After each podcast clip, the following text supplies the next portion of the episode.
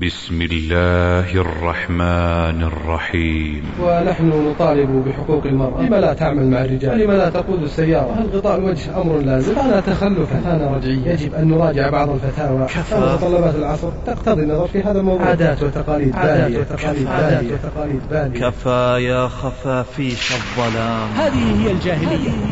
يقولون إن نصف المجتمع معقد. يخدعونها. ويستغفلونها. ويستجرون قدمها. حتى تخرج. فإذا خرجت حصلوا بغيتهم ومقصودهم بإفسادها. وإذا فسدت المرأة فسد المجتمع. من هي المرأة المتخلفة؟ من هي المرأة الرجعية هي المرأة التي تكون متبذلة متبرجة متهتكة أمام الرجال الأجانب. وأما اللباس والحشمة والنقاء والطهر والعفاف فليس ذلك من أمر الجاهلية في شيء. صرخة أرجعوني صرخة إلى أنوثتي. أرجعوني إلى بيتي. وقرن في بيوتكن ولا تبرجن تبرج الجاهلية الأولى وأقمنا الصلاة وآتينا الزكاة وأطعنا الله ورسوله.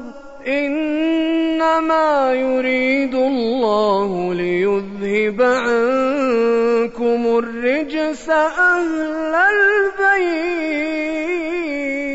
ويطهركم تطهيرا. وإذا كان ذلك مقولا لأمهات المؤمنين رضي الله تعالى عنهن فغيرهن من باب أولى. كيف رب القرآن أمهات المؤمنين؟ أمرني الله أن أقر في بيتي فوالله لا أخرج من بيتي حتى أموت. هؤلاء أمهات المؤمنين. هؤلاء أمهات المؤمنين. المستجيبات لأمر الله ورسوله. صلى الله عليه وسلم. هكذا رب القرآن أمهات المؤمنين. أراد الله عز وجل أن ينزه بيت نبيه صلى الله عليه وسلم عنه. كل ما يدنس الفضيلة. كل ما يدنس الشرف. كل ما يدنس الدين. كل ما يدنس الأخلاق. أراد الله أن يذهبه. عن أهل بيت رسول الله صلى الله عليه وسلم وهو أرفع البيوت. آي الإله الجليل تروي الصدى والغليل تهمي كغيث مطير على بيوت الرسول كالنور شع فضاء فأي شيء يفوق ربى وزكى ودلى يهدي القلوب القلوب تربية قرآنية. وأن البيوت الرفيعة وأن البيوت الكريمة يصلح لها من التربية ما لا يصلح لغيرها. وأنهم ينبغي أن يكونوا في مقامات وأفعال وأقوال وأحوال تليق بمنازلهم الشريفة فكن كأمهات المؤمنين. ما رآها رجل وما رأت رجلا عفة. وما كلمت رجلا أجنبي تكون درة مصونة محفوظة حشمة. لا يتمتع بالنظر إليها كل آسر وكاسر. وأي تقوى انتهى مات غيثا ودوقا وقور فهذا معنى العفاف وهذا معنى البتور آي الإله الجليل. آي الإله الجليل. لا تمتد يدها إلى الهاتف. فتحادث محادثة محرمة. لا تخضع بالقول في الرد. حياء لا تستخدم هذه الشبكة استخداما غير لائق. لا تغتاب أحدا في بيتها لا تكذب. لا تخون زوجها. لا تفعل شيئا يشينها. مما حرمه الله عز وجل عليه. وما خرجت لتتعرض للرجال. وما خرجت لتخرج مما تسميه كبتا. في البيت. هكذا أدب المرأة المسلمة. إذا تخلقت بأخلاق القرآن. وتحلت بهذه الآداب التي أدبها الله تبارك وتعالى. بها. تبقى بالحشمة والحجاب والعمل الصالح والإيمان والكف عما لا يليق مما حرمه الله عز وجل. تدوم على ذلك حتى تلقى ربها تدوم على ذلك حتى تلقى ربها تدوم على ذلك حتى تلقى ربها ورقين شم الأعالي ولا ترمن النزول ولا ترمن النزول آي الإله. تسجيلات الاعتصام الإسلامية بالدمام. تقدم هكذا رب القرآن أمهات المؤمنين لفضيلة الشيخ الدكتور خالد بن عثمان السبت. ما أحوجنا في هذه الأيام إلى التربية القرآنية. ما أحوجنا أن نرجع إلى القرآن في وقت أصبحت تتقاذفنا كثير من الدعوات المضللة لا سيما فيما يتعلق بالمرأة المسلمة. صرنا في زمان أيها الإخوة أصبحت المرأة فيه سلعة رخيصة توضع على أغلفة المجلات بأوضاع فاتنة وألبسة غير محتشمة صارت المرأة يروج بها السلع المختلفة وصارت توضع طعما لربما في مواضع الاستقبال هنا وهناك من أجل أن تنجذب النفوس الضعيفة. فيحصل الاتجار بالفضيلة والشرف والعفاف. نحن أيها الإخوة في زمان تعالت فيه الأصوات التي تنادي وتطالب بخروج المرأة التي يقولون عنها بأنها نصف المجتمع وأن المجتمع كالطير لا يحلق إلا بجناحين وأننا لا يمكن أن نتقدم بحال من الأحوال وأن نتطور وأن نزاحم الأمم المتحضرة إلا إذا أخرجنا المرأة من قرارها وبيتها وجد من يقول بأن ما نقرره في دروسنا ومحاضراتنا وفي فتاوانا لا يبنى إلا على أوهام وليس على أدلة واضحة صحيحة صريحة يوقف عندها. حتى إن بعض المنتسبين للدين أو العلم أو الدعوة صار يطرح طرحا نشازا طرحا غير مألوف في وقت الهزيمة ويردد كلاما ما كنا نسمعه قبل ذلك. يقولون إن قاعدة سد الذرائع وإن صورة الحجاب التي عليها المرأة المسلمة في بلادنا. كل ذلك ليس عليه دليل صريح. وأن عمل المرأة مع الرجل جنبا إلى جنب ليس ثمة ما يمنع منه شرعا. وأن علينا أن نطرح ما دل عليه الأدلة الصريحة الواضحة من الكتاب والسنة فحسب. وهؤلاء لا شك أنهم مغالطون وأنهم يتكلمون بغير علم أو أنهم يعلمون ويضللون الناس وكثير من النفوس أصابها ما أصابها من الضعف والتراجع. وصرنا نرى من يطالب بمراجعة المواقف نراجع ديننا نراجع كتاب الله عز وجل وسنة نبيه صلى الله عليه وسلم. أم نراجع ماذا؟ لنتخذ دينا آخر وعقيدة أخرى يطالبوننا بقراءة جديدة للقرآن. فما أحوجنا أيها الإخوة في مثل هذه الأيام إلى أن نقول بملء أفواهنا وأن نرفع رؤوسنا إن المنهج الذي رسمه القرآن هو المنهج. وإن الفهم الذي ينبغي أن يفهم به هذا القرآن إنما هو فهم السلف الصالح رضي الله عنهم. ما أحوجنا أيها الإخوان إلى تكثيف الخطب والمقالات والكتابات والمحاضرات وألوان المدارسات في مثل هذه الأيام فنحن والحمد لله كثير. وقد خرجت الجامعات الشرعية التي تحمل المنهج الأصيل خرجت عشرات السنين اجيالا متتابعة ممن يحملون العلوم الشرعية. فهذا أوانهم فينبغي أن يظهر صوتهم دون تلك الأصوات النشاز التي ليست من العلم في قليل ولا كثير غالبا.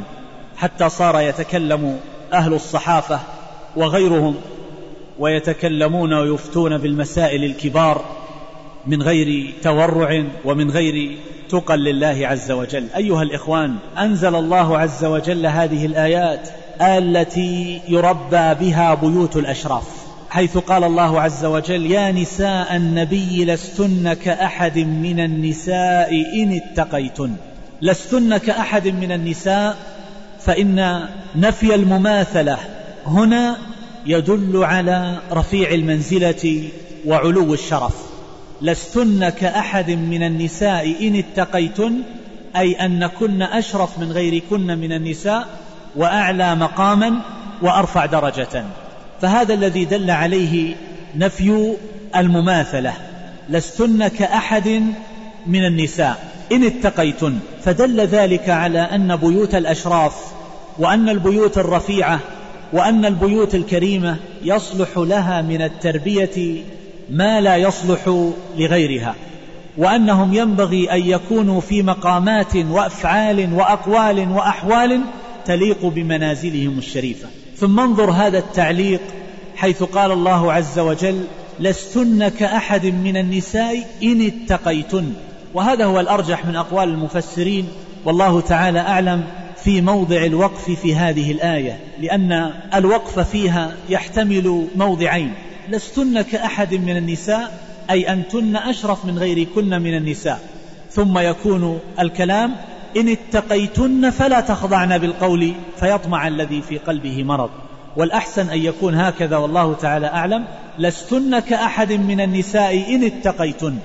فإن نفي المماثلة لأحد من النساء إذا كان ذلك مع تقوى الله عز وجل. إن اتقيتن. ثم قال بعده فلا تخضعن بالقول فيطمع الذي في قلبه مرض. إن كنتن أشرف من غيركن مع تحصيل التقوى أو في حال تحصيل التقوى فينبغي ألا تخضعن بالقول فيؤدي ذلك إلى أمور لا تليق. فلا تخضعن بالقول فيطمع الذي في قلبه مرض. لستن كغيركن إن كنتن متقيات. وهذه التقوى تتطلب أخلاقا من الأفعال والأقوال والأحوال. ينبغي أن تكون الواحدة منكن متحلية بها. فلا تخضعن بالقول. ولاحظ هذا التعبير. فلا تخضعن بالقول. المتبادر أن يقال فلا تخضعن القول لأن الإخضاع إنما يكون للقول للكلام يكون الكلام خاضعا تخضع في قولها تخضع قولها. هذا هو المراد والله تعالى أعلم. لكن لماذا نسب الله عز وجل الخضوع إليهن وأضافه إلى ذواتهن؟ فقال فلا تخضعن بالقول. لماذا لم يقل فلا تخضعن القول؟ كما هو المتبادر. يقال لما للظاهر من الملازمة مع الباطن. فالظاهر ملازم للباطن وذلك أن المرأة إذا تغنجت وتكسرت في كلامها ورققته وأظهرت التأنث للرجال في قولها ومنطقها فإن ذلك يورثها خنوعا في ذاتها وتكسرا وانكسارا أمام الرجال وخضوعا ببدنها. وذلك للملازمة بين الأمرين. فلا تخضعن لأن إخضاع القول يورث خضوع البدن يورث التكسر في البدن يورث إخضاعه للرجال فلا تخضعن بالقول.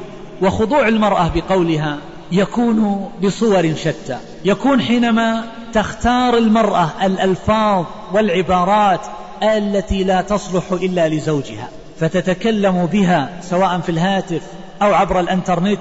أو تتكلم بها مباشرة مع البائعين مع غيرهم مع الطبيب إذا احتاجت إلى ذلك. فتتكلم تتخير من الألفاظ ما لا يصلح إلا مع الزوج. فهذا من الخضوع بالقول. ويكون الخضوع بالقول أيضا حينما تتكلم بألفاظ لا عيب فيها ولكنها تنطق وتؤدي هذه الألفاظ وتعبر بها بشيء من الغنج وبشيء من الرخاوة وبشيء من تمييع القول وتليينه للرجال الأجانب. ثم تحصل بعد ذلك النتيجة المتوقعة التي ذكرها الله عز وجل في هذه الآيات. قال فلا تخضعن بالقول فا يطمع الذي في قلبه مرض. فالفاء هنا أيها الإخوة تدل على التعليل وهي مشعرة به وهي تدل أيضا على التعقيب. فلا تخضعن بالقول فاء يطمع الذي في قلبه مرض. الطمع أيها الإخوان هو انجذاب النفس وميلها إلى الشيء الذي تشعر أنه قريب المأخذ والمنال. فالمرأة إذا تغنجت وزينت الكلام مع الرجال ولينته ورققته امتدت إليها النفوس الضعيفة وطمع بها الذئاب وصاروا يرون أنها قريبة المأخذ أنها في متناولهم أنها ممكنة لمن طلبها. فيطمع الذي في قلبه مرض. ومن هو الذي في قلبه مرض؟ غالبا يعبر في كتاب الله عز وجل بهذا التعبير ويراد به النفاق وقد يراد به ضعف الإيمان إلا في هذا الموضع. المراد بهذا الوصف هنا هو من كان فيه ميل محرم إلى النساء. قلبه ينجذب انجذابا محرما إلى النساء. يلتفت قلبه إلى النساء ليقارف معهن ما لا يليق مما حرمه الله عز وجل كالزنا ونحوه. هذا الذي في قلبه مرض. وبهذا نعلم أن أولئك الرجال الذين يضعون الشباك ليصطادوا النساء تارة عند المدارس مدارس البنات وتارة في أسواق النساء وتارة عبر شبكة الإنترنت أو غير ذلك أن هؤلاء بنص كتاب الله عز وجل من الذين في قلوبهم مرض. فيطمع الذي في قلبه مرض. وإذا كان ذلك مقولا لأمهات المؤمنين رضي الله تعالى عنهن فغيرهن من باب أولى. ولكن قد يفهم من هذا النهي عن الخضوع بالقول أنها ترد على الرجال وتكلم الرجال برد غليظ وبكلام جاف مع غلظة وشدة. فبين الله عز وجل أن ذلك غير مراد.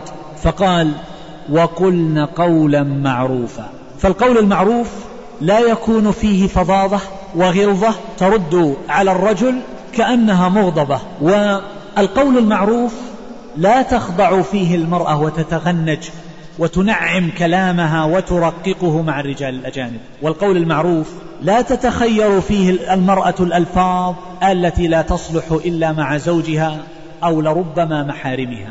هذا هو القول المعروف يشمل هذه الأوصاف الثلاثة. ثم لما أدبهن بالقول والكلام كيف تتكلم الواحدة منهن مع الرجال الأجانب؟ علمهن أدبا آخر فقال وقرن في بيوتكن ولا تبرجن تبرج الجاهلية الأولى. وقرن في بيوتكن فيه قراءتان متواترتان. الأولى وقرن في بيوتكن وهي قراءة عاصم ونافع. والقراءة الثانية وقرن في بيوتكن بكسر القاف. وبعض أهل العلم يقولون إن معنى القراءتين واحد فهو من القرار وبعض أهل العلم يفرق بينهما وهذا التفريق ليس بين القولين فيه منافاة وقرن في بيوتكن من القرار من قر الماء في الحوض أي استقر. فتكون مستقرة باقية غير خراجة ولا ولاجة. المرأة التي تكثر الخروج في أول نهارها وفي آخره لا يقال إنها قارة في البيت. والقراءة الأخرى وقرن في بيوتكن فسرها جمع من الأئمة أئمة التفسير بمعنى الوقار. وقرن من الوقار والمعنيان متلازمان.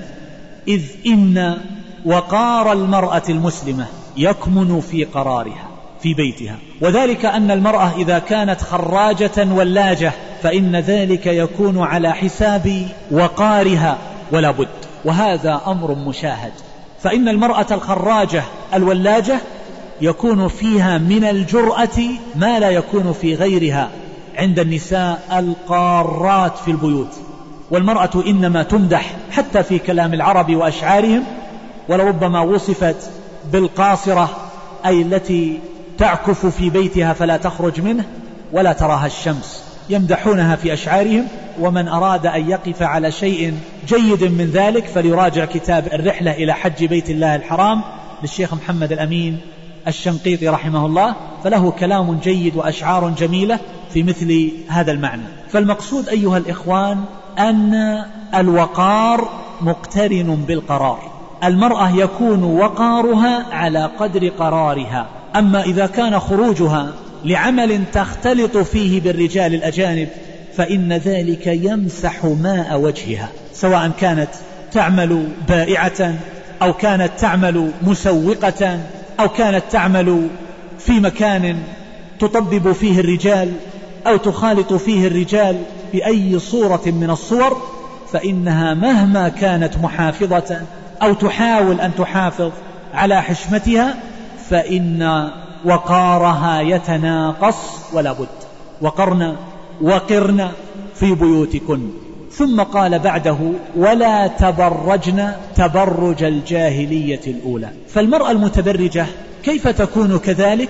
يقال بكثرة الخروج أن تكون خراجة ولاجة ويكون ذلك أيضا بالتكشف والتهتك باللباس والتعري أمام الرجال ويكون ذلك بمزاحمة الرجال بالأسواق ومخالطتهم في أماكن العمل يكون إذا كانت بائعة في الأسواق إذا كانت هذه المرأة تعمل في كل مجال يتاح لها من غير حياء ولا حشمة ولا مراعاة للآداب الإسلامية. كل ذلك يكون من تبرجها. المرأة التي تمشي في وسط الطريق ليس للنساء وسط الطريق. أيها الإخوة أدركنا النساء في بعض النواحي يتشقق جانب العباءة أيها الإخوة لأنها إذا رأت رجلا في الطريق التصقت بالحائط وكانت الحوائط يومئذ كانت مبنية من الطين ويخالطه أعزكم الله ومن يسمع التبن من أجل أن يتماسك الطين. فلكثرة ما تلتصق المرأة بالجدار يتمزق جوانب عباءتها وقد رأيت ذلك بعيني. أقول أيها الإخوة الله يقول ولا تبرجن تبرج الجاهلية الأولى. فالجاهلية هي حالة نفسية وواقعية وشعورية بعيدة عن الله عز وجل. لا تهتدي بالوحي. هي حياة منسوبة إلى الجهل. هي فكر منحرف شاذ بعيد عن هدى الله عز وجل الذي بعث به أنبياءه ورسله عليهم الصلاة والسلام. هذه هي الجاهلية. وانظر كيف أضاف الله عز وجل التبرج إلى الجاهلية؟ هذه تحتاج إلى وقفة وتأمل أيها الإخوان. حدثني عدد من القريبات يقولون الآن المرأة التي تضع عباءتها فوق رأسها وتلبس القفاز وتضع الخمار الكامل على وجهها من غير تلاعب بنقاب ونحوه يصفونها بأنها قديمة وأنها متخلفة وأنها رجعية وأنها مقبورة وأنها لا تعيش عصرها وزمانها وأنها قد دفنت شبابها وجمالها وأنها صارت في عالم غير العصر الذي تعيش فيه. أقول الله عز وجل أضاف التبرج إلى الجاهلية فهو من أعمال الجاهلية. فمن هي المرأة الجاهلية أو التي فيها خصلة من خصال الجاهلية؟ من هي المرأة المتخلفة؟ من هي المرأة الرجعية؟ هي المرأة التي تكون متبذلة متبرجة متهتكة أمام الرجال الأجانب. وأما اللباس والحشمة والنقاء والطهر والعفاف فليس ذلك من أمر الجاهلية في شيء. فالتهتك والعري ليس شيئا إلا من عمل الشيطان. هو الذي يدعو إليه ويحض عليه ويأمر به. فكل امرأة متهتكة في عصرنا هذا وفي غيره من الأعصار فهي مستجيبة لأمر الشيطان.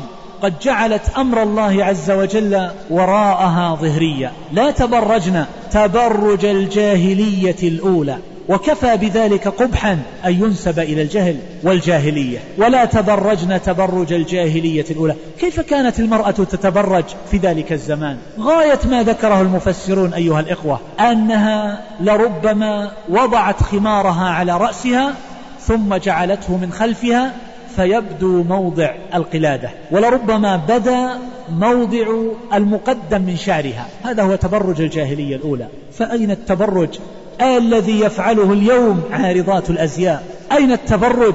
الذي يفعل في مشارق الأرض ومغاربها على شواطئ البحار وفي البرك وفي غيرها من أماكن القذر والتبذل والاستخفاف بكل ألوان الشرف والعفة والطهارة.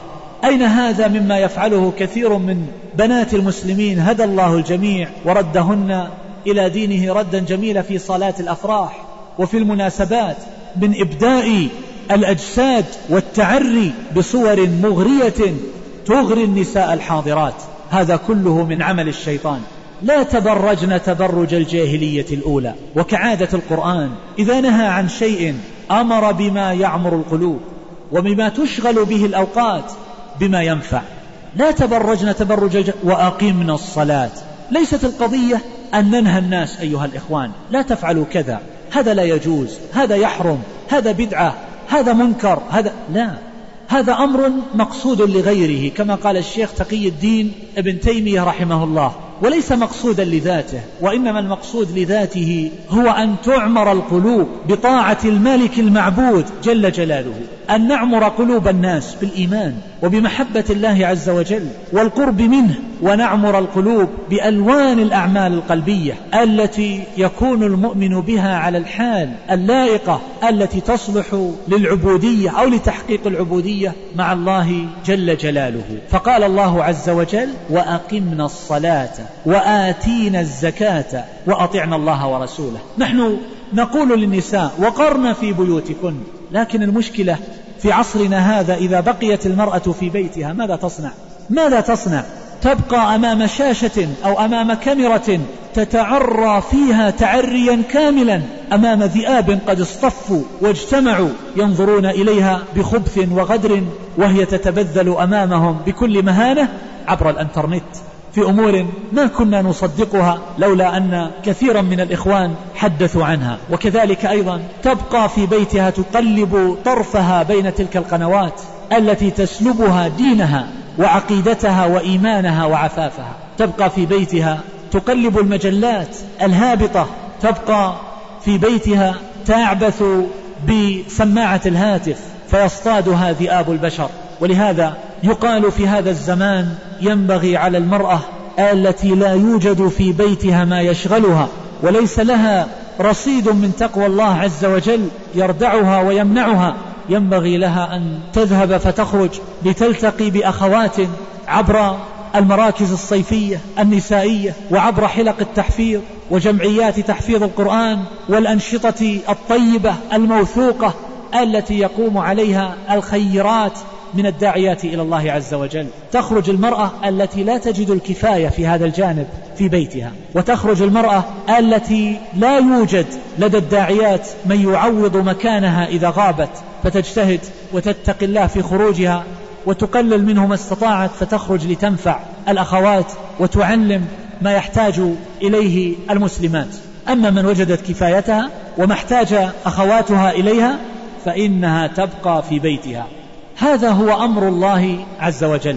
فأين أولئك الذين يدعون إلى فتح المجال أمام المرأة لتعمل في المصنع والمتجر وأماكن التجميل النسائية والصيدليات وغيرها بألوان الأعمال التي تكون فيها أجيرة عند الآخرين. يقولون إن نصف المجتمع معطل. الله يقول وقرن في بيوتكن وأنتم تقولون نصف المجتمع معطل. ما هي حقيقة العمل في نظر هؤلاء المخادعين الذين يكذبون على الناس؟ حقيقة العمل عندهم أن تكون أجيرة عند غيرها. وأما التي تعمل في عملها الأصيل فترضع الصغير وتمرض المريض وتقوم على شؤون الدار وتقوم على شؤون الزوج وتقرأ كتاب الله وتشتغل بطاعته فهذه معطلة عندهم عاطلة وعندئذ يخدعونها ويستغفلونها ويستجرون قدمها حتى تخرج فإذا خرجت حصلوا بغيتهم ومقصودهم بإفسادها وإذا فسدت المرأة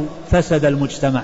ثقوا أيها الإخوان أنه إذا فسد النساء فسد الرجال إلا من رحم الله وعصم وهذا أمر مشاهد في العالم. وأمر آخر مشاهد يرد به على هؤلاء الأفاكين الكذابين وهو أن بلاد المسلمين قد مرت بمثل ما تمر به بلادنا هذه قبل أكثر من مئة سنة. مروا بنفس الخطوات وقام دعاة إلى أبواب جهنم يرددون نفس الكلام الذي يردده بعض الكتاب في أيامنا هذه.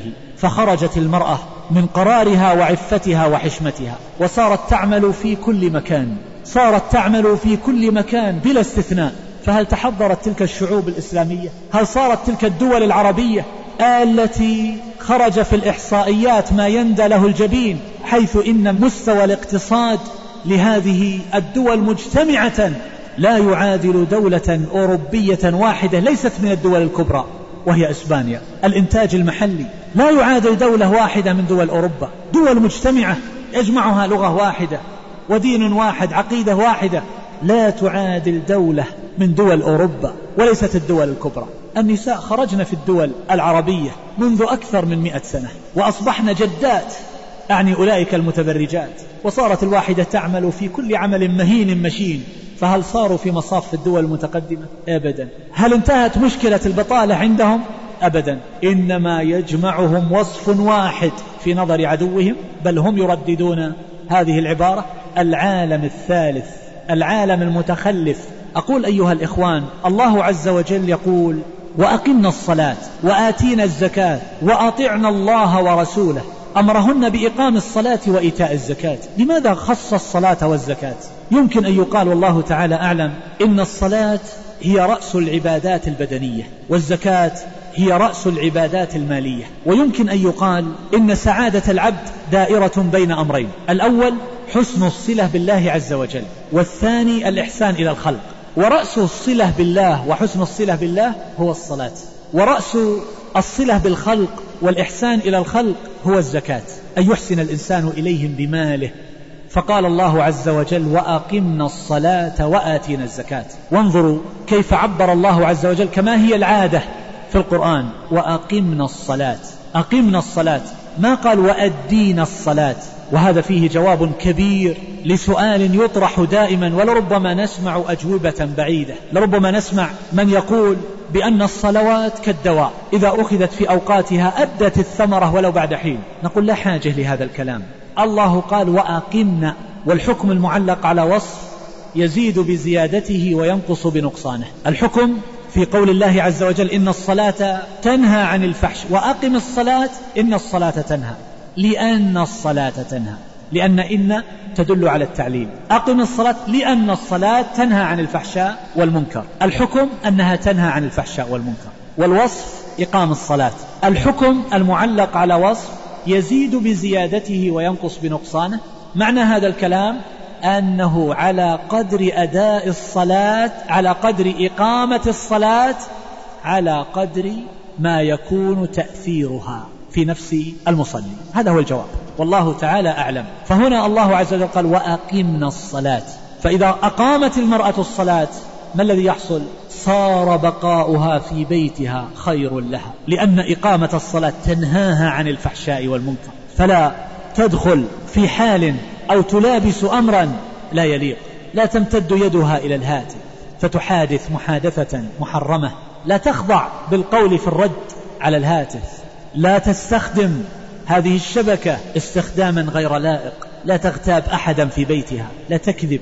لا تخون زوجها. لا تفعل شيئا يشينها مما حرمه الله عز وجل عليها كل ذلك يحصل إن تحقق إقامة الصلاة أيها الإخوان. أقمنا الصلاة وآتينا الزكاة. وآتينا الزكاة. وهذا فيه وعد وفيه بشرى. لهن في ذلك الوقت لأنهن فقيرات آنذاك. يطالبن بزيادة النفقة فأي زكاة تؤدى؟ فهذا يدل على أن الله سيوسع عليهن حتى يخرجن الزكاة. ثم عمم بعدما خص إقام الصلاة وإيتاء الزكاة وهي من طاعة الله ورسوله قال وأطعنا الله ورسوله بالقرار في البيت بالحشمة بحفظ حدود الله عز وجل بإقام الصلاة وإيتاء الزكاة وحفظ شرائع الإسلام. كل هذا أيها الإخوان داخل في طاعة الله وطاعة رسوله صلى الله عليه وسلم. ثم علل ذلك. لماذا هذه التوجيهات أيها الإخوان؟ قال إنما يريد الله ليذهب عنكم الرجس أهل البيت. ويطهركم تطهيرا. كل ذلك كل هذه التوجيهات حصرها بهذه العلة والحصر بإنما يعد من أقوى صيغ الحصر. إنما يريد الله ليذهب عنكم. الرجس والرجس هو كل قدر ودنس وأذى من القدر المعنوي والقدر الحسي. كل دنس أراد الله عز وجل أن ينزه بيت نبيه صلى الله عليه وسلم عنه. كل ما يدنس الفضيلة كل ما يدنس الشرف كل ما يدنس الدين كل ما يدنس الأخلاق أراد الله أن يذهبه عن أهل بيت رسول الله صلى الله عليه وسلم وهو أرفع البيوت. فمن أراد أن يعرف الحصانة التي يمكن أن تحصن بها المجتمعات الإسلامية من أراد أن يعرف السياج الحقيقي المتين الذي يمكن أن تحفظ به المرأة المسلمة والأسرة المسلمة فهو فيما ذكر الله عز وجل وهو اللطيف الخبير يكون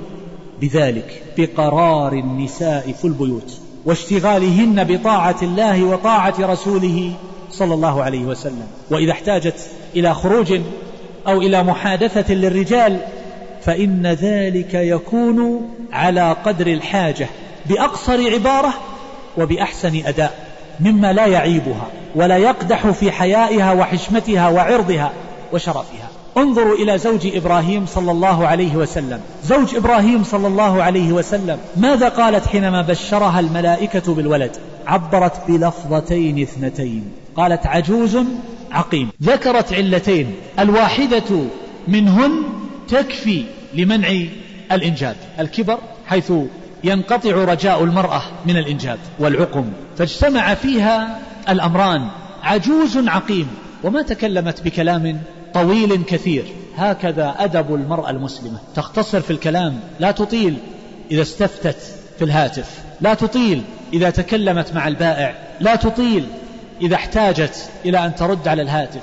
وإنما تتكلم بالكلام الوجيز المختصر الذي تختار فيه العبارة اللائقة من غير خضوع بالقول. ليذهب عنكم الرجس أهل البيت. فإذا حققت المرأة المسلمة هذا المعنى ذهب عنها الرجس الدنس. ما يقدر الفضيلة وما يقدر الشرف والطهر كل ذلك يذهب عنها إذا تخلقت بأخلاق القرآن وتحلت بهذه الآداب التي أدبها الله تبارك وتعالى بها.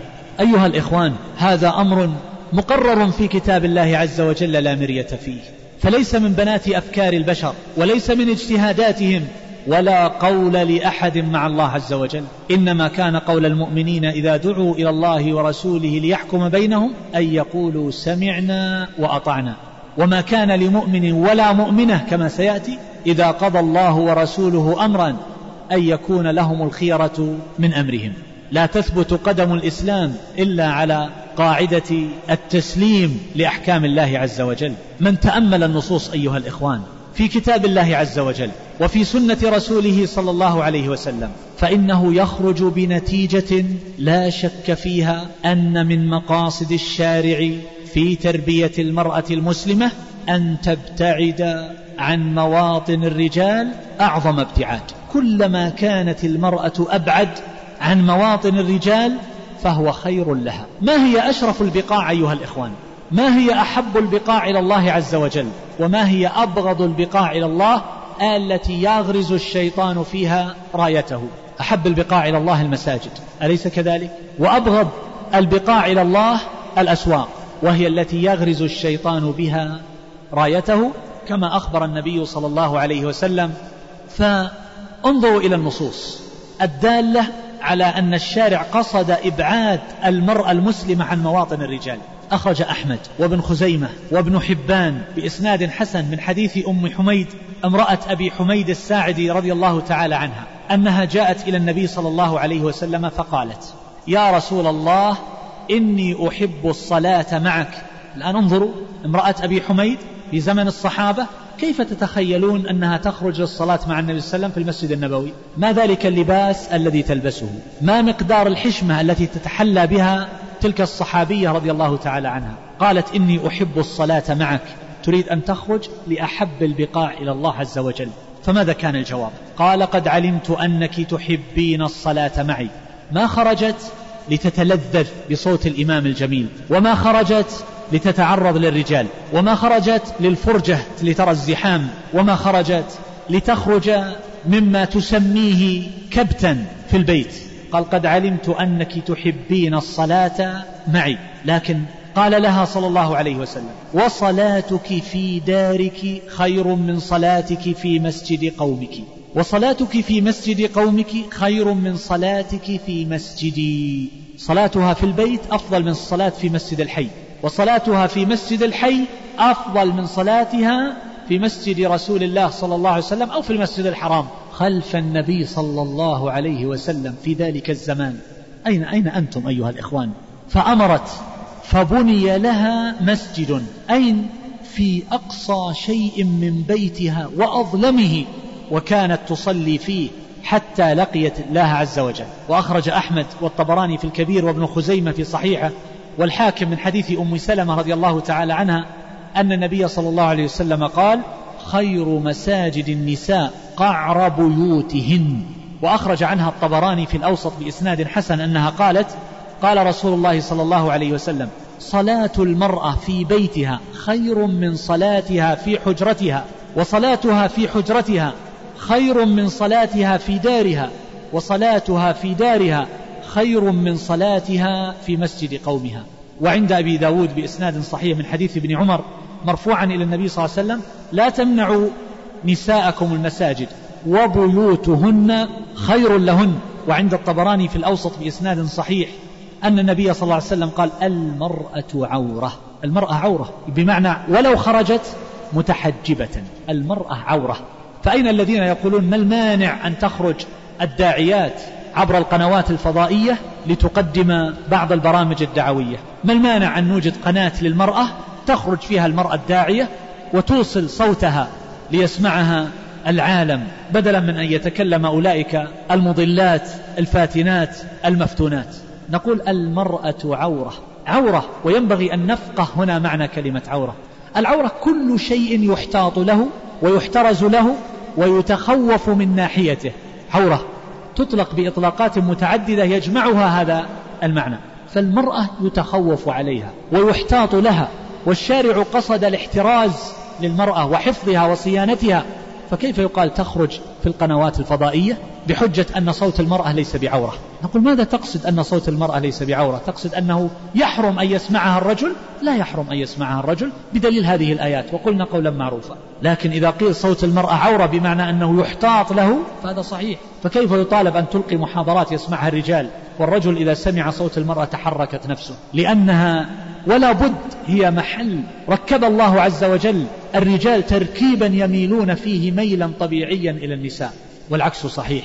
فأقول أيها الإخوان النبي صلى الله عليه وسلم قال المرأة عورة وإذا خرجت استشرفها الشيطان. ما معنى استشرفها الشيطان؟ هم بها أغرى بها أو أنه حرك النفوس المريضة لأولئك الذين تمتد أنظارهم إلى النساء إذا رأوا امرأة أو سوادة من بعيد التفتوا. يغريهم الشيطان فينظرون إليها ولو كانت محجبة. ليس لها أفضل من دارها أيها الإخوان. لا ينظر إليها الرجال ولا تمتد إليها نفوسهم. إذا خرجت استشرفها الشيطان وإنها لا تكون أقرب إلى الله منها في قعر بيتها. وفي حديث ابن مسعود رضي الله تعالى عنه عند ابن خزيمة والطبراني في الكبير عن النبي صلى الله عليه وسلم أنه قال ما صلت امرأة بهذا الأسلوب؟ صلاة أحب إلى الله من أشد مكان في بيتها ظلمة فكيف بخروجها تبيع في الأسواق؟ الصلاة في أكثر مكان في بيتها ظلمة كيف تكون بائعة؟ كيف تشتغل في الشركة؟ كيف تشتغل في المستشفى؟ كيف تكون مقدمة برامج؟ وعند ابن خزيمة من حديث أبي هريرة رضي الله عنه وقال ابن مسعود رضي الله تعالى عنه أيضا النساء عورة وإن المرأة لتخرج من بيتها وما بها بأس فيستشرفها الشيطان. فيقول إنك لا تمرين بأحد إلا أعجبته وإن المرأة لتلبس ثيابها فيقال أين تريدين؟ فتقول أعود مريضا أو أشهد جنازة أو أصلي في مسجد. وما عبدت امرأة ربها مثل أن تعبده في بيتها. وإسناده حسن عند الطبراني وثبت عنه مرفوعا كما عند أبي داود بن خزيمة صلاة المرأة في بيتها أفضل من صلاتها في حجرتها وصلاتها في مخدعها أفضل من صلاتها في بيتها صلاتها في مخدعها ويقال مخدعها وما المراد به؟ البيوت قديما كانت غرفة المرأة فيها غرفة صغيرة يوضع فيها نفيس المتاع فهذا هو مخدعها بمعنى أنها تصلي في غرفة في داخل غرفتها انظروا فهذا أفضل من صلاتها في بيتها والمراد ببيتها بهذا الحديث والله أعلم أي في غرفتها ما نسميه اليوم غرفة المرأة. فصلاتها في ذلك المكان في داخل الغرفة أفضل من صلاتها في الغرفة في بيتها. وصلاتها في بيتها أفضل من صلاتها في حجرتها. والمراد بالحجرة في الحديث والله تعالى أعلم ما نسميه اليوم بالصالة وهو المكان الذي تطل عليه الأبواب أبواب الغرف. طبعا الغرفة نحن تعبيرات اختلفت. الغرفة أصلا تطلق على الغرفة التي تكون في الدور العلوي لكن نحن لا مشحة في الاصطلاح. فالمقصود أن المراتب بهذا الشكل صلاتها في تلك الغرفة التي في داخل غرفتها أفضل من صلاتها في غرفتها التي هي بيتها هنا. وصلاتها في غرفتها أي في بيتها أفضل من صلاتها في حجرتها يعني في الصالة. وصلاتها في حجرتها أفضل من صلاتها في دارها والمقصود في دارها يعني في البيت اللي يسميه الآن المنزل في فنائه وبنائه. كل ذلك يقال له دار. فانظر هذا التقسيم في داخل المنزل. على كم مرتبة؟ مخدعها وبيتها وحجرتها ودارها. أربع مراتب في المنزل. ثم يلي ذلك مسجد الحي. ثم يلي ذلك جامع الحي. ثم يلي ذلك الصلاة في المسجد الحرام أو مع النبي صلى الله عليه وسلم. هذا في عبادة فكيف إذا كان الخروج للأسواق؟ أو للمنتزهات التي فيها الاختلاط والسفور وألوان الردى تتبعها أنظار من لا يخافون الله عز وجل ولا يتقونه يتمتعون بالنظر إليها. هذا الذي قصده الشارع في تربية المرأة المسلمة. وقد رأى ابن مسعود رضي الله تعالى عنه النساء في المسجد الجامع فكان يخرجهن من المسجد يوم الجمعة ويقول اخرجن إلى بيوتكن خير لكن. على كل حال النبي صلى الله عليه وسلم نهى عن منع النساء المساجد. وفي زماننا قد تحتاج المرأة المسلمة فيه إلى حضور مجالس الخير والذكر والعلم وكما قلت ألوان الأنشطة الموثوقة الطيبة. ولا بأس إذا كانت المرأة فقيرة أو محتاجة الأصل أن تعطى من بيت مال المسلمين ما يكفيها. إذا كانت أرملة فقيرة ما عندها شيء تكفى فلا تحتاج إلى الخروج. لكن كم نسبة هؤلاء بالنسبة إلى عموم النساء؟ قلة. فهذا لا يتطلب أن يخرج الغني والفقير من النساء يبحثن عن الأعمال بطريقة مسعورة. حتى صارت النظرة إلى المرأة التي لا تعمل نظرة انتقاص. هذا انتكاس في المفاهيم. المرأة التي تحتاج إلى العمل لا مانع أن تعمل بحشمة فيما يلائمها فتكتسب إن لم يوجد من يعولها. لكن للأسف الشديد من الذي أصبح يتنافس على الوظائف من النساء؟ الأغنياء. المرأة غنية وأهلها أغنياء. وتجد أنها تذهب إلى عملها أبعد من مئات الكيلومترات عن بيتها مع سائق ولربما في أماكن داخل الصحراء تتعرض الأخطار والحوادث وهي غنية غنية. لربما كانوا أثرياء ومع ذلك تحتج أنها درست سبع عشرة سنة ثم تبقى في بيتها؟ قل نعم لأن مكان المرأة في بيتها. أقمنا الصلاة وآتينا الزكاة وأطعنا الله ورسوله. فإن كان لديها فضل فتذهب مع الأخوات الصالحات في أنشطة تبني ولا تهدم. هكذا علمنا القرآن أيها الإخوة وهكذا أدبنا القرآن ونحن يجب علينا أن نستجيب لأمر الله عز وجل لأن هذا هو مقتضى هو مقتضى الإيمان. النبي صلى الله عليه وسلم ماذا قال لأزواجه في حجته؟ حجة الوداع. قال هذه والزمنا الحصر. ما معنى هذه والزمنا الحصر؟ أي تكون ملازمة للحصير. بمعنى أنها لا تخرج لا لحج ولا لعمرة ولا لغيره. وقد قيل لسودة رضي الله عنها لم لا تحجين ولا تعتمرين كما يفعل أخواتك؟ فقالت قد حججت واعتمرت. وأمرني الله أن أقر في بيتي. فوالله لا أخرج من بيتي حتى أموت. يقول الراوي فوالله ما خرجت من باب حجرتها حتى أخرجت جنازتها. هؤلاء أمهات المؤمنين المستجيبات لأمر الله ورسوله صلى الله عليه وسلم. يا إخوة ليس على النساء غضاضة في هذا الأمر بل هذا هو منتهى الإكرام للمرأة تكون مكفية. العرب في أشعارهم اقرأوا ما شئتم من أشعارهم. يمدحون المرأة التي يسمونها نؤوم الضحى لأنها امرأة مترفة في نظرهم ويوصفون المرأة بأنها لم ترها الشمس. ويضربون المثل للحياء الشديد بالعذراء في خدرها. ما رآها رجل وما رأت رجلا وما كلمت رجلا أجنبي. تكون درة مصونة محفوظة لا يتمتع بالنظر إليها كل آسر وكاسر. أيها الإخوة والأخوات العاقل من وعظ بغيره. انظروا انظروا إلى العالم من حولكم. الذين يكتبون في الصحف ويطالبون ويقولون إن قيادة المرأة للسيارة يغنيها عن مآس كثيرة فلا تحتاج إلى السائق. وهذا له تكاليف باهظة وهذا كذب في البلاد التي من حولنا صار النساء يقودن السيارات أليس كذلك؟ هل استغنوا عن السائقين؟ أبدا وإنما كانت النتائج عكسية حينما يقولون إن خروج المرأة ينعش الاقتصاد إذا خرجت للعمل الإحصاءات العالمية التي أخرجتها الأمم المتحدة أثبتوا أن المجتمعات التي تعمل فيها النساء أجيرات يكلف تلك اقتصاد تلك البلاد ما يقارب من ثلاثين بالمئة يكون عبئا على الاقتصاد. انظروا. الذين يقولون إن التقدم لا يمكن إلا بخروج المرأة تعمل جنبا إلى جنب مع الرجل. خرج أولئك النساء من حولنا. هل صاروا في مصاف الدول المتقدمة؟ هل صاروا من الأمم المتحضرة؟ أبدا. النساء اللاتي خرجن وزاحمن الرجال في كل مكان. هل حصلنا الرفعة والشرف والمكانة؟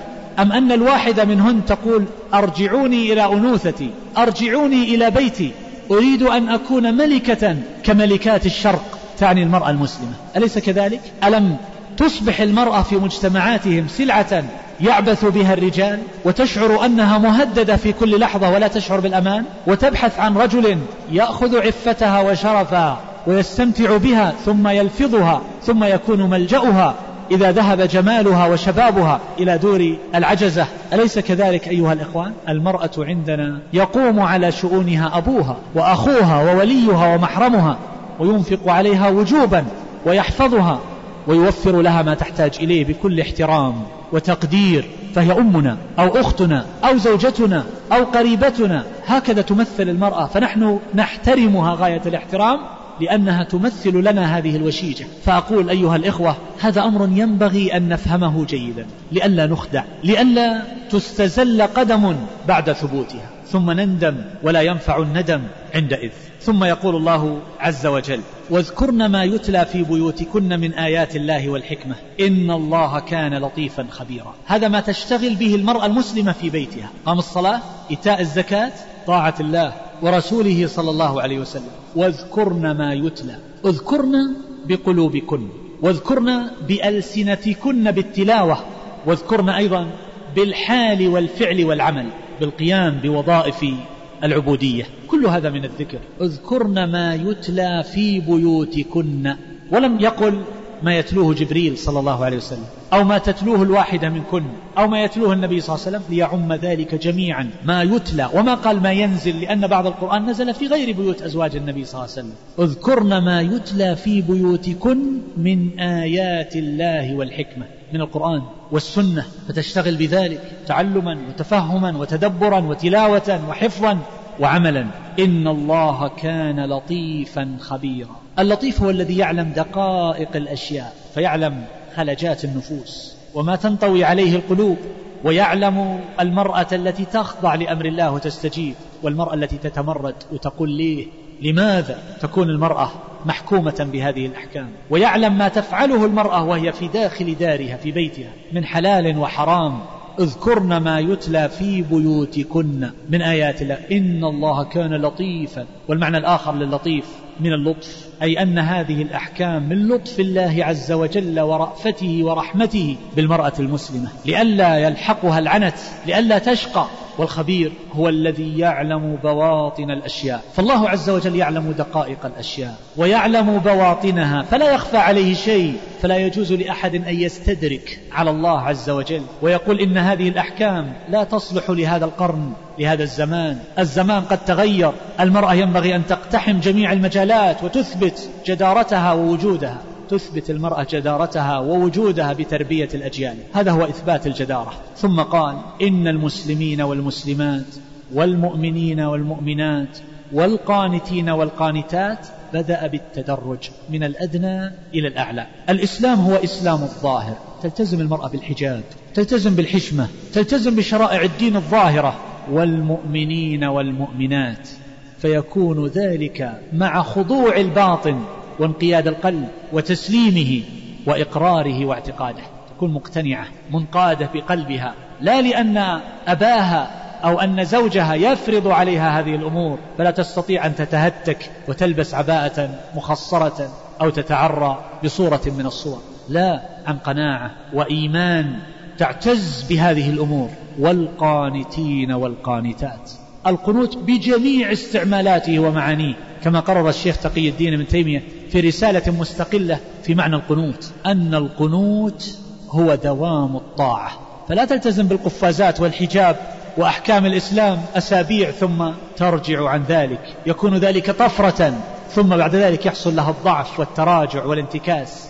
لا. القنوت هو دوام الطاعة حتى تلقى الله عز وجل تبقى بالحشمة والحجاب والعمل الصالح والإيمان والكف عما لا يليق مما حرمه الله عز وجل.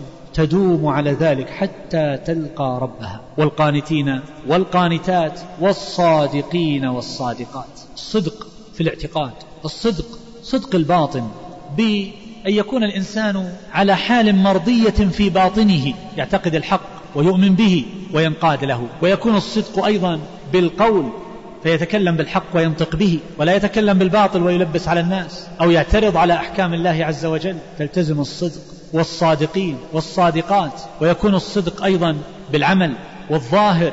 فلا تظهر عملا باطنها يخالفه ويكون الصدق بالحال. فلا تكون في حال غير متوافقة مع مكنونات نفسها. والصادقين والصادقات. صدق الحال وصدق المقال وصدق العمل وصدق الظاهر وصدق الباطن كل هذا من الصدق. والصابرين والصابرات. هذه الأمور تحتاج إلى صبر تحتاج إلى صبر في سماعها لأن النفوس قد مزجت فيها الأهواء وركبت معها تركيبا يمازجها. والشريعة كما قال الشاطبي رحمه الله قد وضعت على خلاف وزان داعية الهوى. الهوى يجذبك من جهة والشريعة تريد أن ترفعك من الهوى. فسماع الحق أحيانا يتأذى منه الإنسان. المرأة التي عندها هوى حينما تسمع هذه القضايا والأحكام تتأذى تتألم. كأنها سهام توجه إليها. ثم يحتاج الإنسان إلى صبر في تفهم هذه الأمور ويحتاج إلى صبر في العمل والتطبيق لأنه يعاب ينتقد ينتقص يذم يجد من يحرضه إلى الباطل والمنكر والنفس تدعوه إلى الإخلاد إلى الشهوات والراحة والدعة فيحتاج إلى الصبر على طاعة الله عز وجل ويحتاج إلى صبر عن معصيته والصابرين والصابرات والخاشعين والخاشعات.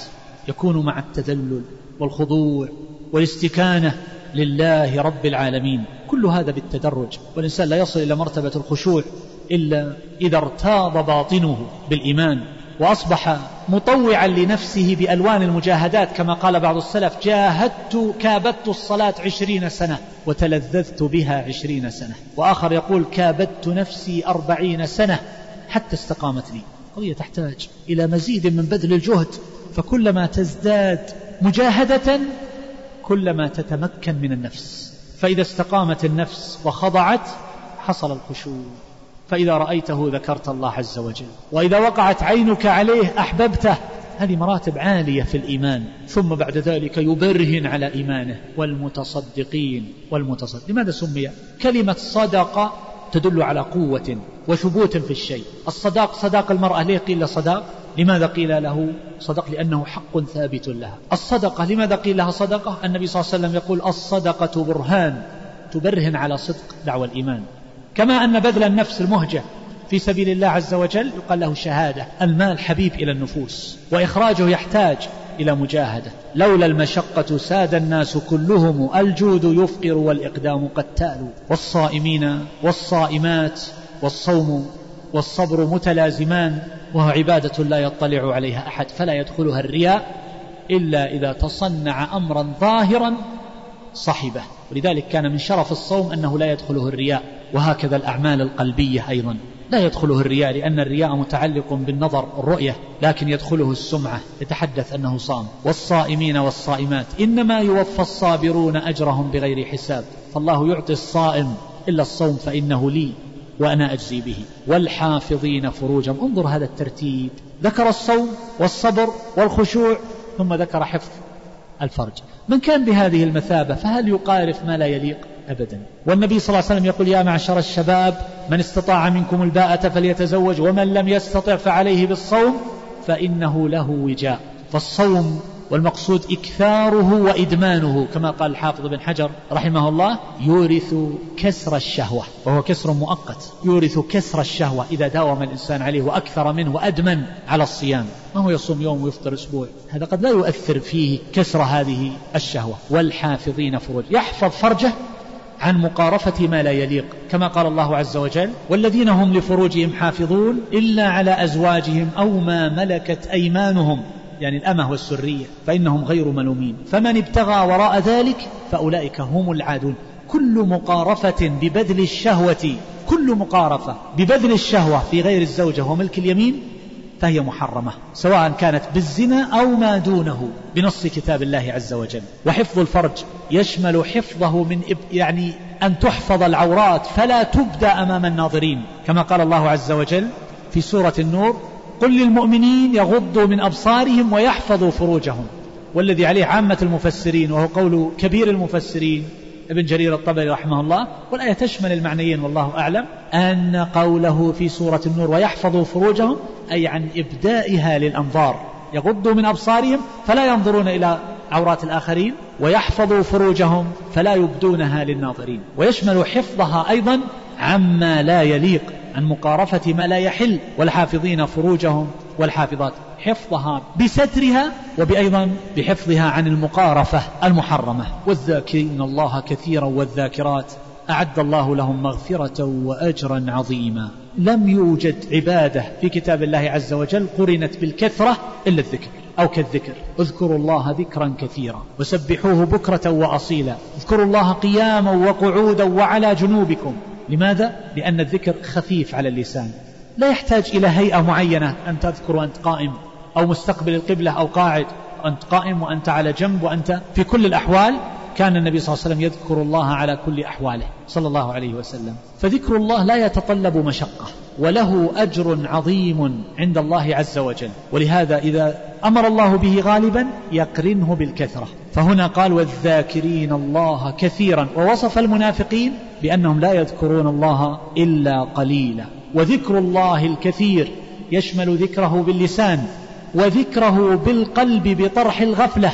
فلا يكون غافلا مضيعا مفرطا. ويشمل ذكره أيضا بالعمل وهو من أجل الذكر بالقيام والقعود في طاعة الله عز وجل والمشي إلى المساجد وما إلى ذلك. ويشمل ذكره بالحال كل هذا من ذكره تبارك وتعالى. والذاكرين الله كثيرا وذا أعد الله. وهذا يدل هذه اللفظة أعد تدل على عناية بالمعد. أعد الله لهم ماذا؟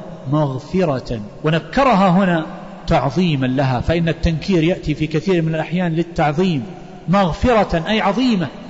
والمغفرة إذا قلت رب اغفر لي ما المراد؟